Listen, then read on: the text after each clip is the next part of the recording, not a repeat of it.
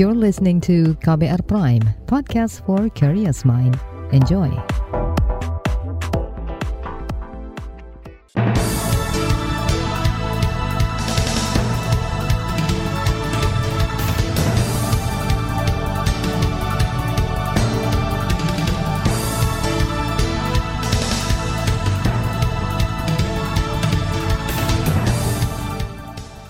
Selamat pagi saudara, senang sekali kami bisa menjumpai Anda kembali melalui program Buletin Pagi edisi Jumat 28 Oktober 2022 bersama saya Naomi Liandra. Sejumlah informasi pilihan telah kami siapkan di antaranya desakan pengesahan RUU Masyarakat Hukum Adat. Wakil Presiden menegaskan pekerja rentan harus mendapat jaminan sosial. COVID-19 varian XBB sudah ditemukan di Jawa Timur. Dan inilah Buletin Pagi selengkapnya terbaru di Buletin Pagi.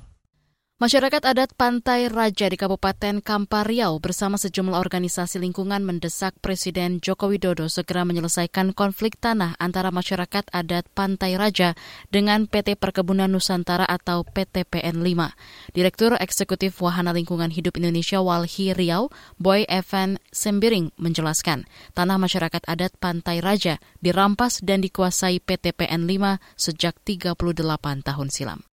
Kayak mikir-mikir bukan mikir lagi kayak kalau Jokowi benar bicara reforma agraria dari 500 konflik yang dilaporkan ke KSP yang 230-annya itu melibatkan PTP salah satu ya di Riau gitu ya.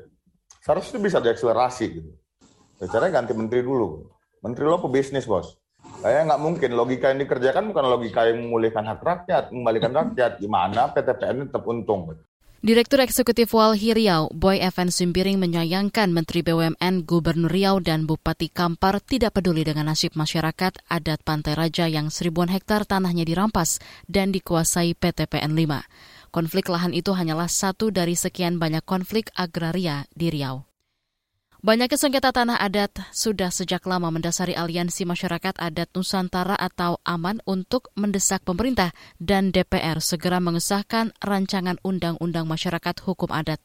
Direktur Advokasi Kebijakan Hukum dan HAM Pengurus Besar AMAN, Muhammad Arman, mengatakan undang-undang itu bisa menjadi peraturan hukum yang komprehensif guna mengatur hak-hak masyarakat adat.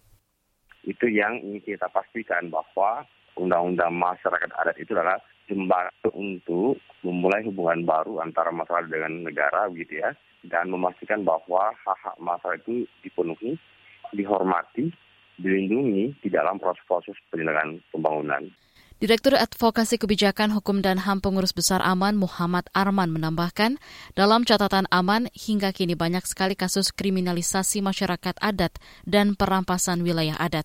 Hal itu dikarenakan belum adanya aturan hukum yang komprehensif mengatur hak-hak masyarakat adat. Saudara, sejak 10 tahun lalu RUU Masyarakat Hukum Adat masih terkendala di bawah keparipurna DPR. Aliansi Masyarakat Adat Nusantara Aman menuding satu fraksi yang tegas menolak, yakni fraksi Partai Golkar, dengan alasan RUU itu menghambat investasi. Satu fraksi lagi yang menolak adalah PDIP dengan alasan tak jelas. RUU Masyarakat Hukum Adat sudah disahkan Badan Legislasi untuk menjadi RUU inisiatif DPR sejak lebih dua tahun lalu. Adapun kendalanya kini masih menunggu keputusan pimpinan DPR mengagendakan pembahasannya di tingkat tua atau paripurna untuk pengesahan. Pemerintah siap berkolaborasi dengan para pihak terkait untuk memenuhi hak-hak masyarakat adat. Untuk itu, menurut Deputi 5 Kantor Staf Presiden KSP Jaleswari Pramoda Wardani, pengesahan rancangan Undang-Undang Masyarakat Hukum Adat juga harus dipercepat agar masalah-masalah di lapangan seperti sengketa tanah adat bisa diselesaikan. Kita mengharapkan seperti itu ya, karena di RUU ini kan harapannya tinggi bagaimana uh, perlindungan negara, bagaimana pemenuhan hak-hak masyarakat adat, bagaimana uh, kemudian uh, penghormatan terhadap uh, apa namanya hak-hak masyarakat adat ini juga dilakukan. Itu juga diatur di sana bagaimana relasi negara dengan masyarakat adat dan lain-lain. Deputi 5 Kantor Staf Presiden KSP Jaleswari Pramoda Wardani mengklaim pembahasan RUU Masyarakat Hukum Adat masih intensif dilakukan melalui rapat-rapat koordinasi dengan kementerian dan lembaga negara terkait termasuk dengan DPR. Sementara itu, Ketua Panitia Kerja DPR untuk Rancangan Undang-Undang Masyarakat Hukum Adat Willy Aditya menjelaskan dan menegaskan kembali komitmennya untuk mempercepat proses pembahasan dan pengesahan. Apa kendalanya sampai di mana sekarang? Tinggal satu langkah saja. Apa itu? Paripurna oleh pimpinan DPR. Ada delapan fraksi yang bersepakat hanya satu fraksi yang tidak mau ini disahkan sebagai hak inisiatif DPR. Ketua Panitia Kerja DPR untuk Rancangan Undang-Undang Masyarakat Hukum Adat Willy Aditya juga meminta seluruh masyarakat adat Nusantara terus menyuarakan tuntutan agar RUU Masyarakat Hukum Adat segera disahkan. Dikutip dari laman dpr.go.id, RUU Masyarakat Hukum Adat terdiri atas 16 bab dan 57 pasal, di antaranya bab tentang pengakuan, perlindungan, dan pemberdayaan masyarakat hukum adat. Juga bab tentang lembaga adat, penyelesaian sengketa, pendanaan, ketentuan pidana, dan lainnya. Khusus terkait larangan, RUU ini mengatur tentang setiap orang dilarang menghalang-halangi masyarakat hukum adat yang telah diberikan pengakuan dalam mengelola dan memanfaatkan sumber daya alam di wilayah adatnya. Wakil Presiden menegaskan pekerja rentan harus mendapat jaminan sosial. Informasinya akan hadir sesaat lagi, tetaplah di Buletin Pagi KBR. You're listening to KBR Pride, podcast for curious mind. Enjoy!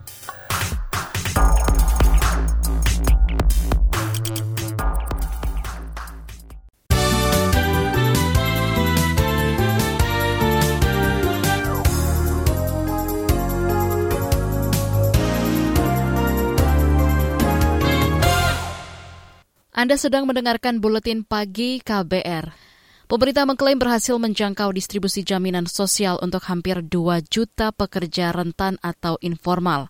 Wakil Presiden Ma'ruf Amin menyampaikan hal itu saat acara pencanangan Gerakan Nasional Perlindungan Pekerja Rentan atau GN Lingkaran di Istana Wakil Presiden Jakarta kemarin.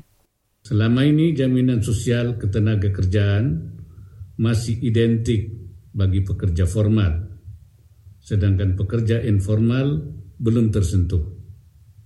Namun kini jaminan sosial ketenaga kerjaan telah mampu menjangkau 1,8 juta orang pekerja rentan melalui pemerintah daerah dan badan usaha.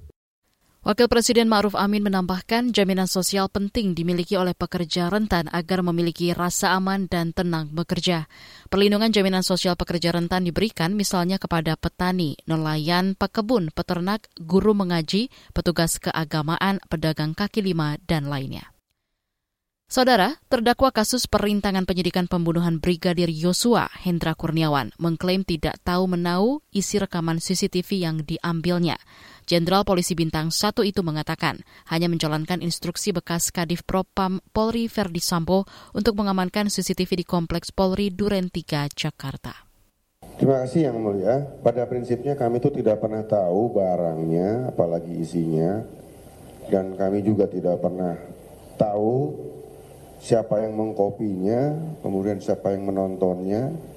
Dan kami berdua ini dari awal hanya melaksanakan perintah dari FS untuk cek dan amankan CCTV. Hanya sebatas itu saja. Itu tadi pengakuan terdakwa Brigjen Hendra Kurniawan. Hendra merupakan bekas Karo Paminal Divisi Propam Polri bawahan dari Verdi Sambo. Sidang pemeriksaan saksi dengan terdakwa Hendra Kurniawan dan Agus Nurpatria digelar kemarin. Sebanyak tujuh dari sepuluh saksi yang diundang hadir dalam persidangan. Salah satunya saksi dari tim khusus Direktorat Cyber Baris Krim Polri, Aditya Cahya. Aditya menyebut data rekaman CCTV di Komplek Polri Duren 3 yang sebelumnya sempat dilaporkan hilang ditemukan saat penyelidikan. Saudara Badan Pengawas Obat dan Makanan BPOM menduga dua perusahaan farmasi menggunakan senyawa berbahaya etilen glikol dan dietilen glikol dengan konsentrasi sangat tinggi sebagai bahan baku obat sirup. Senyawa itulah yang diduga menjadi penyebab penyakit ginjal akut. Kepala BPOM Penny Lukito menegaskan masih terus mendalami dugaan pelanggaran pidana terhadap dua perusahaan farmasi yang identitasnya dirahasiakan itu. Sementara itu, Komnas Hak Asasi Manusia menyatakan harus ada pihak yang bertanggung jawab dalam kasus penyakit ginjal akut.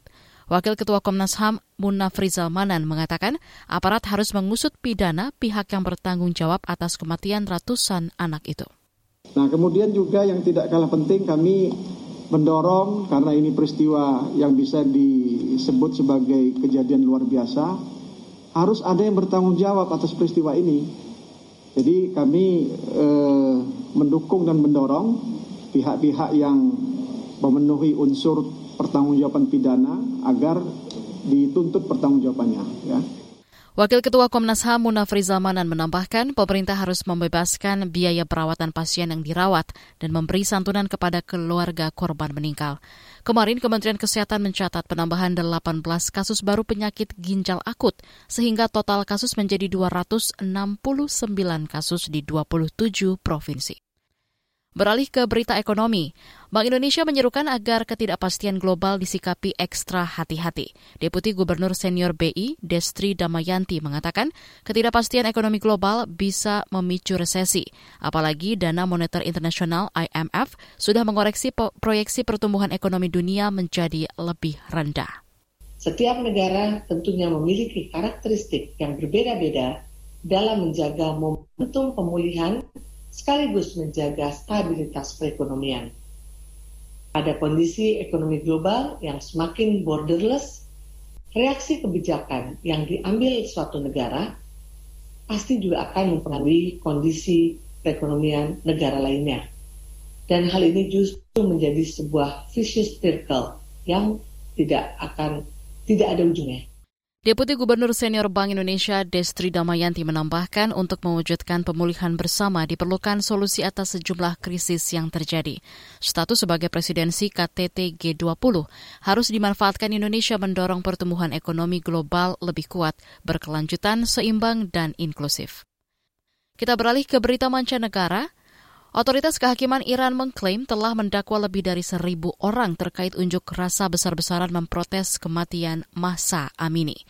Sekitar 300 orang di antaranya didakwa terkait aksi protes yang berlangsung di wilayah Zanjan, Azerbaijan Barat, dan Semnan.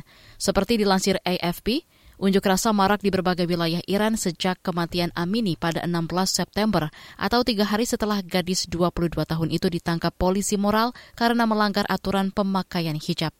Sejak Rabu kemarin, situasi di Iran semakin memanas. Bentrokan dilaporkan terjadi hampir di seluruh negeri, seperti di Sakis, kota kelahiran Mahsa Amini. Di sana pasukan keamanan bentrok dengan ribuan pengunjuk rasa yang berkumpul di dekat makam Mahsa Amini untuk memperingati 40 hari kematiannya. Kita beralih ke berita olahraga.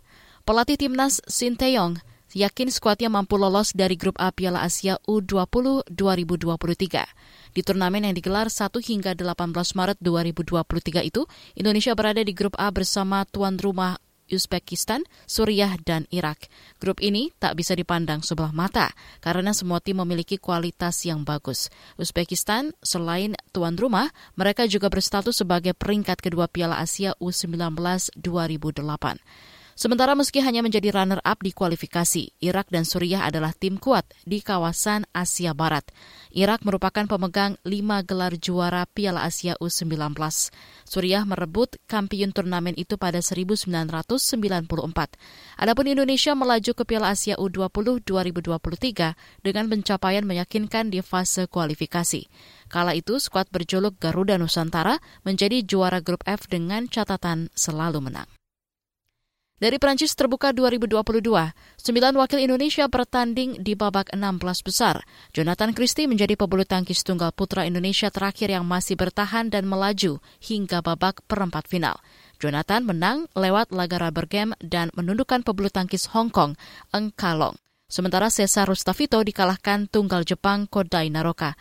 Di sektor ganda putra menyisakan Bagas Fikri yang menang melawan ganda Malaysia Go Shefei Nur Izudin. Sementara ganda campuran Indonesia Rehan Naufal Kusharyanto dan Lisa Ayu Kusumawati menang atas pasangan Singapura Terry dan Jessica. Sedangkan ganda campuran Rino Frivaldi dan Pita Hamentari menang atas pasangan Korea Selatan Xiao Sung Jae dan Che Yu Chung. Di bagian berikutnya akan kami hadirkan laporan khas KBR bertajuk COVID-19 subvarian XBB muncul. Masih efektifkah vaksinasi? Simak usai jeda tetaplah di Buletin Pagi KBR. You're listening to KBR Pride, podcast for curious mind. Enjoy!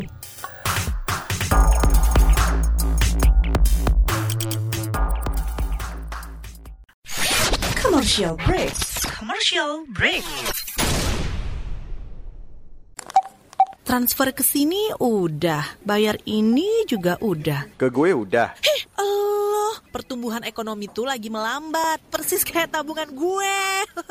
Betul banget. Harus mateng ngelola keuangan. Pengennya tuh investasi sesuatu gitu ya. Apa gitu yang cocok dan menguntungkan?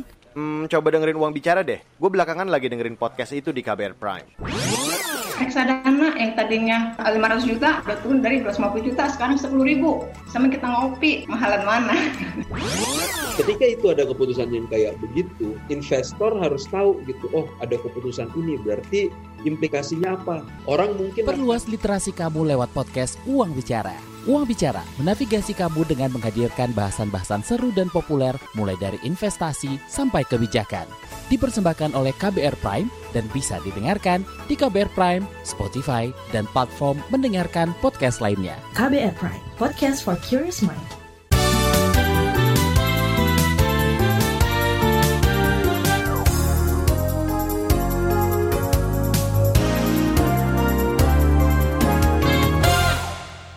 Anda masih bersama kami di Buletin Pagi KBR. Virus COVID-19 terus bermutasi. Yang terbaru ialah subvarian Omicron XBB. Varian ini telah terdeteksi di Indonesia. Lantas bagaimana perkembangannya? Apakah vaksin masih efektif menangkal subvarian Omicron XBB? Berikut laporan khas KBR yang disusun Astri Septiani. COVID-19 subvarian XBB telah ditemukan di Indonesia. Kasus pertama XBB di Indonesia merupakan transmisi lokal. Terdeteksi pada seorang perempuan berusia 29 tahun yang baru saja kembali dari Lombok, Nusa Tenggara Barat. Tercatat hingga Kamis kemarin ada empat kasus subvarian tersebut yang sudah teridentifikasi. Kini semua telah dinyatakan sembuh. Meski begitu, pemerintah meminta masyarakat waspada dan terus memperkuat protokol kesehatan, terutama memakai masker. Di sejumlah negara seperti Singapura, varian XBB menyebabkan lonjakan kasus yang tajam diiringi peningkatan tren perawatan di rumah sakit. Namun, menurut juru bicara pemerintah untuk penanganan COVID-19, Wiku Disasmito, Indonesia masih menjadi negara dengan penambahan kasus mingguan yang lebih rendah dibandingkan dengan beberapa negara lain di Asia, yakni 14.000 kasus dalam satu minggu. Angka ini jauh lebih kecil dibandingkan Jepang yang mencapai 200.000 kasus per minggu. Namun kita tetap perlu waspada mengingat dalam empat minggu terakhir terdapat kenaikan kasus positif mingguan di Indonesia sebesar 17 persen. Kasus aktif harian sebesar 11 persen dan kematian yang masih lebih dari 100 kematian setiap minggunya. Kenaikan kasus yang terjadi di Indonesia saat ini belum dapat ditentukan apakah merupakan akibat dari subvarian XBB namun ancaman varian baru tetap ada di tengah kasus yang relatif rendah. Pemerintah mengklaim tengah menyiapkan sejumlah rencana strategis untuk mencegah penularan COVID-19 subvarian XBB. Direktur Surveillance dan Kekarantinaan Kesehatan Kementerian Kesehatan Ahmad Fahrani Tri Adrianto mengatakan, salah satu upaya itu ialah memperketat pintu-pintu masuk ke Indonesia, terutama kedatangan dari negara-negara yang kasus XBB-nya tinggi seperti Singapura dan India. Jadi kita pengawasan lebih mendalam itu pada orang-orang yang uh, ketika masuk ke Indonesia itu ada uh, kita temukan gejala demam dan gejala yang mengarah ke uh, COVID-19. Semua kasus-kasus positif PCR yang kita temukan saat ini itu harus kita periksa lebih lanjut dengan pemeriksaan whole genome sequencing atau WGS untuk kita secepat-cepatnya bisa mengetahui varian dan subvarian uh, dari uh, kasus positif ini. Direktur Surveillance dan Kekarantinaan Kesehatan Kementerian Kesehatan Ahmad Fahrani Tri Adrianto meminta pemerintah perlu terus mengejar target capaian vaksinasi, terutama vaksin suntikan ketiga atau booster. Sebab saat ini capaian vaksinasi booster masih rendah yakni sekira 64 juta. Padahal targetnya lebih dari 234 juta jiwa. Ia menekankan pentingnya pelaksanaan protokol kesehatan serta vaksinasi sebagai alat perlindungan diri dari virus yang terus bermutasi. Ada keterbatasan persediaan vaksin beberapa waktu yang lalu dan ini sudah diatasi. Insya Allah nanti eh, ini per, per minggu ini sudah sudah datang ya ada 5 juta uh, vaksin dari Pfizer kemudian insya Allah nanti pada November itu vaksin produksi dalam negeri itu sudah bisa uh, sudah bisa kita pakai gitu. dan ini nanti tentunya akan segera disampaikan apa diumumkan oleh Kementerian Kesehatan oleh Direktorat Pengelolaan Imunisasi. Di sisi lain, ex-direktur penyakit menular Badan Kesehatan Dunia WHO Asia Tenggara, Chandra Yoga Ditama juga menyoroti banyaknya varian COVID-19 yang semakin banyak, namun vaksin yang digunakan tak kunjung diperbarui. Chandra menyarankan pemerintah menggunakan vaksin bivalen untuk melawan varian baru Omikron yang bermunculan. Itulah para ahli kemudian menyatakan bahwa kita membutuhkan sebenarnya kalau mau ideal vaksin yang perlu dimodifikasi untuk bisa menangani varian Omikron itu. Nah, karena itu akhirnya dibuatlah modifikasi vaksin, tidak bukan vaksin yang baru 100% tapi modifikasi di mana digabungkan antara vaksin yang bisa menangani varian yang awal dan vaksin yang bisa menangani varian Omikron. Nah, karena itu disebut dengan bivalent. B itu artinya dua, jadi bisa yang dulu bisa juga yang sekarang. Epidemiolog Universitas Griffith Australia Diki Budiman mengakui vaksin bivalen lebih efektif ketimbang vaksin-vaksin yang selama ini digunakan di Indonesia. Namun Diki menilai vaksin tersebut masih mahal dan belum tersedia di Indonesia. Diki meyakinkan bahwa vaksin yang saat ini digunakan di Indonesia juga masih efektif untuk membentengi diri dari varian-varian baru. Sebetulnya yang Pfizer, Moderna, ataupun Novavax, atau bahkan harusnya Indovac yang saat ini rilis berpotensi bisa menjadi booster gitu. Tanpa atau meskipun si vaksin bivalent itu tidak atau belum bisa kita gunakan tidak apa-apa gitu. Karena yang tadi saya sebutkan itu masih masih cukup efektif gitu. Termasuk vaksin dalam negeri seperti Indovac itu. Saudara demikian laporan khas KBR yang disusun jurnalis Astri Septiani, saya Reski Mesanto. Saudara, informasi dari berbagai daerah akan hadir usai jeda. Tetaplah bersama Buletin Pagi KBR. You're listening to KBR Pride, podcast for curious mind. Enjoy!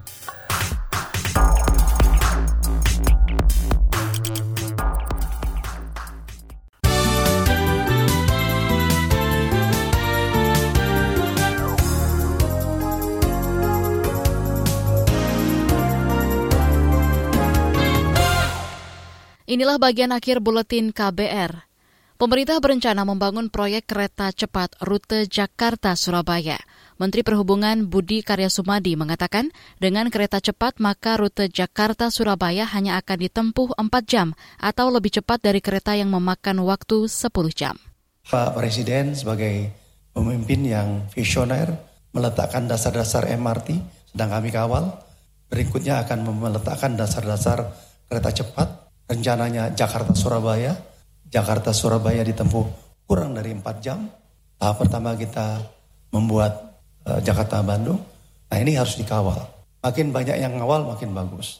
Menteri Perhubungan Budi Karya Sumadi mengatakan kereta cepat Jakarta-Surabaya rencananya akan melewati Karawang, Bandung, Kertajati, Purwokerto, Yogyakarta, Solo, dan Madiun.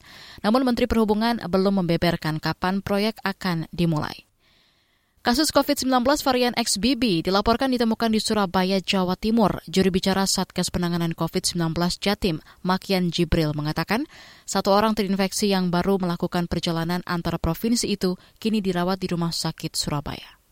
Terkait varian baru Omikron yaitu varian XBB ini memang telah ditemukan dari kota Surabaya, salah satu pelaku perjalanan. Juru bicara Satgas Penanganan COVID-19 Jawa Timur Makian Jibril menambahkan, kondisi pasien COVID-19 varian XBB bergejala ringan seperti batuk dan pilek. Pasien ditempatkan di ruang isolasi. Saudara, sejumlah supporter klub Arema FC Aremania kemarin berunjuk rasa di Jalan Tugu, Malang, Jawa Timur. Mereka menyerukan sembilan tuntutan terkait pengusutan pengusutan tragedi Kanjuruhan. Seorang peserta unjuk rasa yang menolak menyebutkan identitasnya naik ke dinding Balai Kota Malang dan menyerukan sembilan tuntutan. Menuntut aparat kepolisian, menuntut aparat kepolisian, serta penegak hukum, serta penegak hukum. Yang lain terkait dari enam tersangka, yang lain dari enam tersangka, yang sudah ditetapkan sebagai tahanan, yang sudah ditetapkan sebagai tahanan. Dilakukan proses hukum seadil-adilnya dilakukan proses hukum seadil-adilnya dan menuntut menambah pasal. Dan menuntut menambah pasal. 338, 338, bahkan 340, bahkan 340. Pendemo menuntut para tersangka dijerat dengan pasal pembunuhan berencana. Masa aksi Aremania juga menuntut seluruh pengurus PSSI mengundurkan diri. Sementara itu kemarin Ketua Umum PSSI Muhammad Iriawan alias Iwan Bule mangkir dari panggilan penyidik Polda Jawa Timur sebagai saksi tragedi Kanjuruhan. Iwan Bule beralasan sibuk berkegiatan dengan FIFA. Lebih dari 20 rumah warga di pesisir Desa Lokpuk, Kabupaten Aceh Utara, Aceh, ambruk diterjang abrasi. Kepala Bidang Kesiapsiagaan BPBD Aceh Utara, Mulyadi, mengatakan tidak ada korban jiwa dalam peristiwa tersebut. Warga yang rumahnya rusak mengungsi ke tempat kerabat. Menurut informasi kami himpun dari warga setempat dan uh, pihak uh, kecamatan, ini sudah mulai dari malam kemarin jam 12 mulai ombak besar itu sudah mulai pelan-pelan. Dan puncaknya pada hari ini yaitu terjadi musibah tersebut. Kepala Bidang Kesiapsiagaan BPBD Aceh Utara Mulyadi menambahkan, tim unit reaksi cepat sudah melakukan pendataan dan pendistribusian logistik. Kerugian sementara ditaksi ratusan juta rupiah. Informasi tadi menutup jumpa kita di Buletin Pagi hari ini. Pantau juga informasi terbaru melalui kabar baru, situs kbr.id, Twitter kami di akun @beritaKBR, serta podcast di alamat kbrprime.id. Akhirnya saya, Naomi Liandra bersama tim yang bertugas, undur diri. Salam.